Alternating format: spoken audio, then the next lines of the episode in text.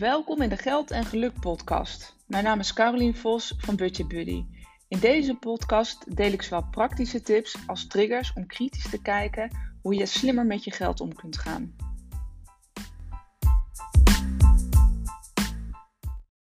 Welkom bij weer een nieuwe aflevering van de Geld en Geluk podcast. Nou, in deze nieuwe podcast wil ik graag met je hebben over hoe het nou komt dat je elke maand van salarisstrook naar salarisstrook gaat, terwijl het toch echt, echt, echt voldoende binnenkomt. En precies van ja, dat heb ik inderdaad ook. Blijf dan nog even luisteren.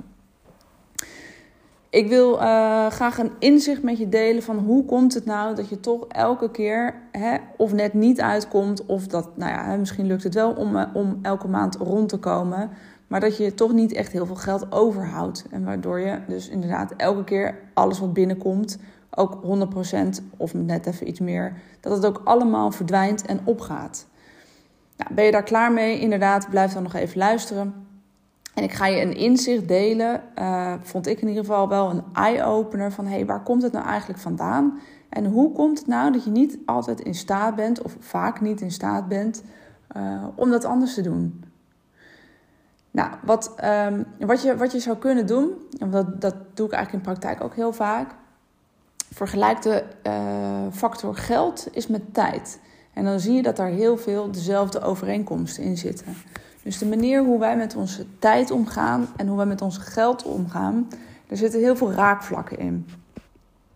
Nou, er is ook een, uh, er is een wet, en dat is, dat is eigenlijk het inzicht wat ik met je wil delen. Er, er bestaat een wet, de Parkinson-wet, dus vernoemd naar een econoom die daar, nou, volgens mij in de jaren 50 of iets dergelijks, um, eigenlijk een theorie, of oh, ja, theorie, maar een theorie op had bedacht, of in ieder geval had uitgedokterd. En dat zou je ongetwijfeld kennen. Hè? Op het moment, eigenlijk wat die, wat die wet eigenlijk zegt, is alle beschikbare tijd die je hebt, die gebruik je ook. Nou, denk daar eens even over na. Kijk, we hebben natuurlijk 24 uur in een, in een dag zitten.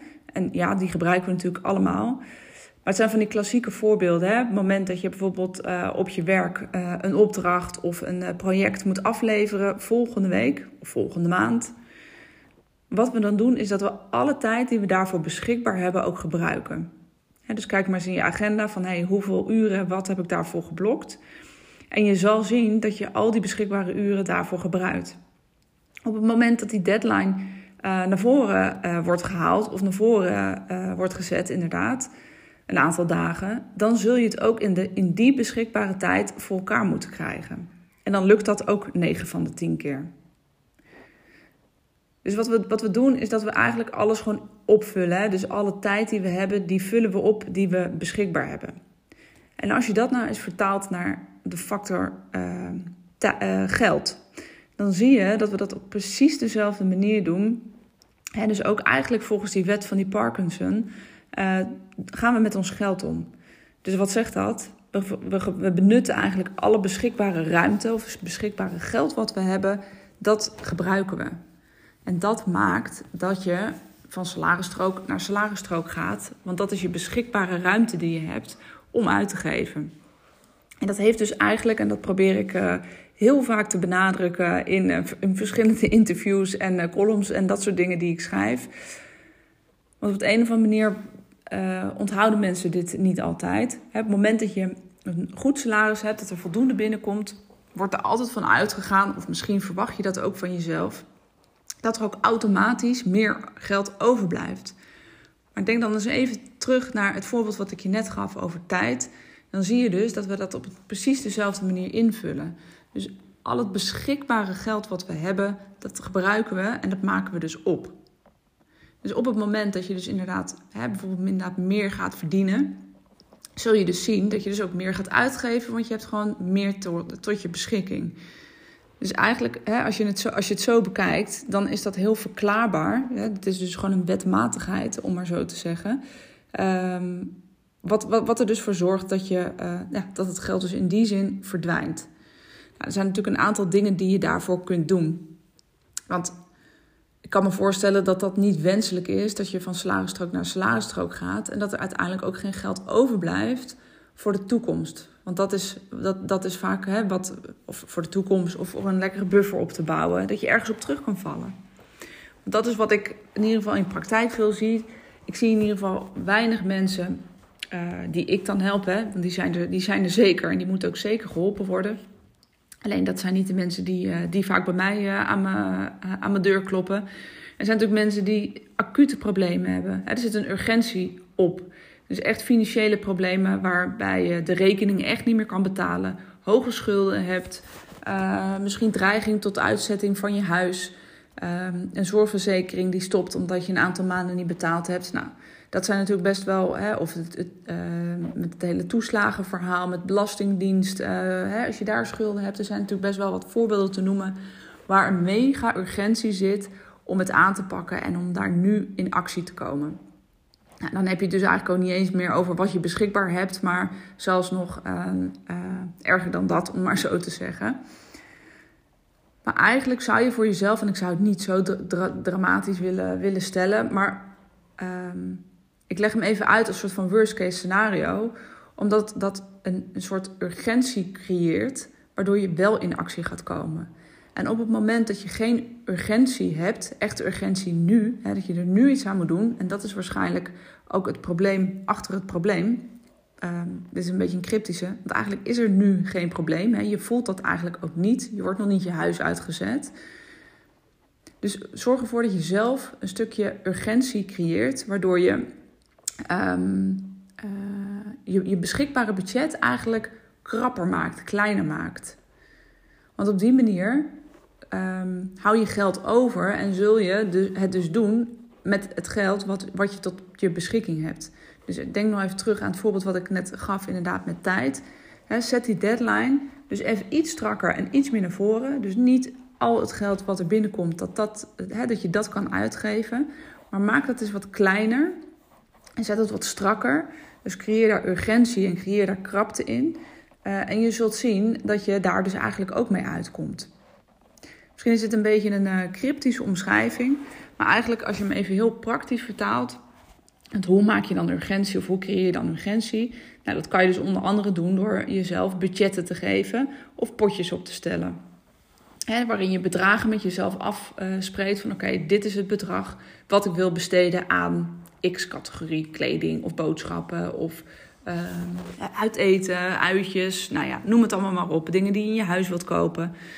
Dus kijk er eens kritisch naar van hey, hoe kan ik nou die potjes of budgetten zeg maar opstellen, zodat je dus een stuk um, krapte creëert.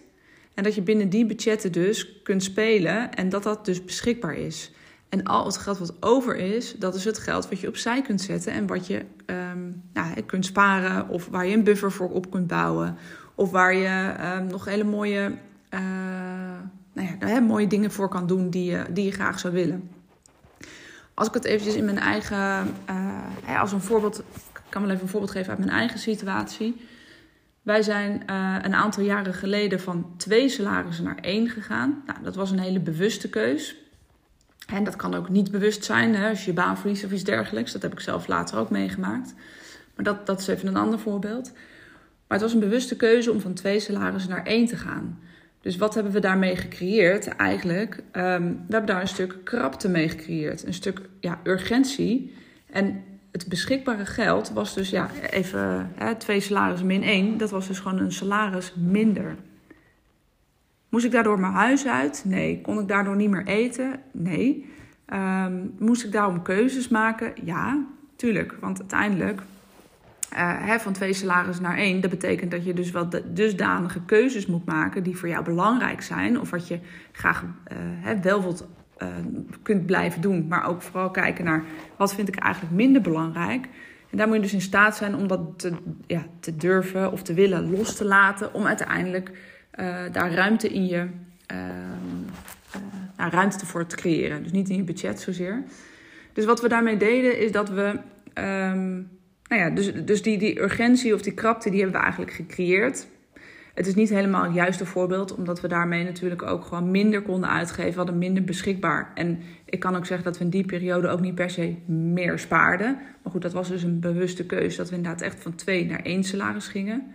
Maar op het moment, en dat is eigenlijk de brug die ik wil maken, op het moment dat wij weer teruggingen naar twee salarissen, dan kan je twee dingen doen. Dus op het moment dat je dus je inkomen groeit, kan je twee dingen doen. Je kan zeggen, hé, hey, ik heb dus eigenlijk weer meer geld tot mijn beschikking. Dus in, de, in, de, in de wet van de Parkinson kan je dus zeggen, hey, dat kan ik dus weer uit gaan geven. Maar het interessante is, wat wij op een gegeven moment gedaan hebben, wij waren zo gewend om um, ons uitgavenpatroon te baseren op één salaris. Zo zijn wij eigenlijk uh, nou ja, lange tijd gewoon verder gegaan. Terwijl we twee salarissen binnenkregen. En met dat extra wat we binnenkregen, daar hebben we weer een, uh, een, een lekkere buffer en spaargeld voor kunnen wegzetten. Dus als je er op die manier naar kijkt, uh, kan je dus voor jezelf ruimte creëren en een stukje krapte creëren. En dat doe je dus inderdaad door budgetten te maken, potjes te maken, met jezelf afspraken te maken van oké, waar gaat het geld dan wel naartoe? En um, nou ja, op die manier hou je dus eigenlijk inderdaad geld over om opzij te zetten. Dus vergelijk je geld eens met, met de factor tijd. Kijk zelf eens even van hoe ga je met je tijd om? En uh, klopt het inderdaad, hè, met die wet van Parkinson, klopt het inderdaad dat je je beschikbare tijd ook 100% gebruikt voor die dingen waar je, um, hè, waar je dus de ruimte uh, voor hebt? En hoe ga, je, uh, hoe ga je om met je geld? En doe je dat op dezelfde manier? En waar kun je dus voor jezelf um, dat, dat stukje krapte in creëren, zodat er inderdaad een stuk urgentie komt om uiteindelijk meer geld over te houden elke maand. Dus ik hoop dat je hier wat aan had. Uh, zou leuk zijn als je je inzichten uh, eens naar me wil uh, mailen of um, je kan het ook via Instagram doen. En het zou ook tof zijn als je deze podcast sterren geeft, want dat nou, vergroot mijn vindbaarheid weer op Spotify of andere podcast um, providers, om maar zo te zeggen. waardoor ik weer meer mensen daarmee kan helpen. Fijne dag!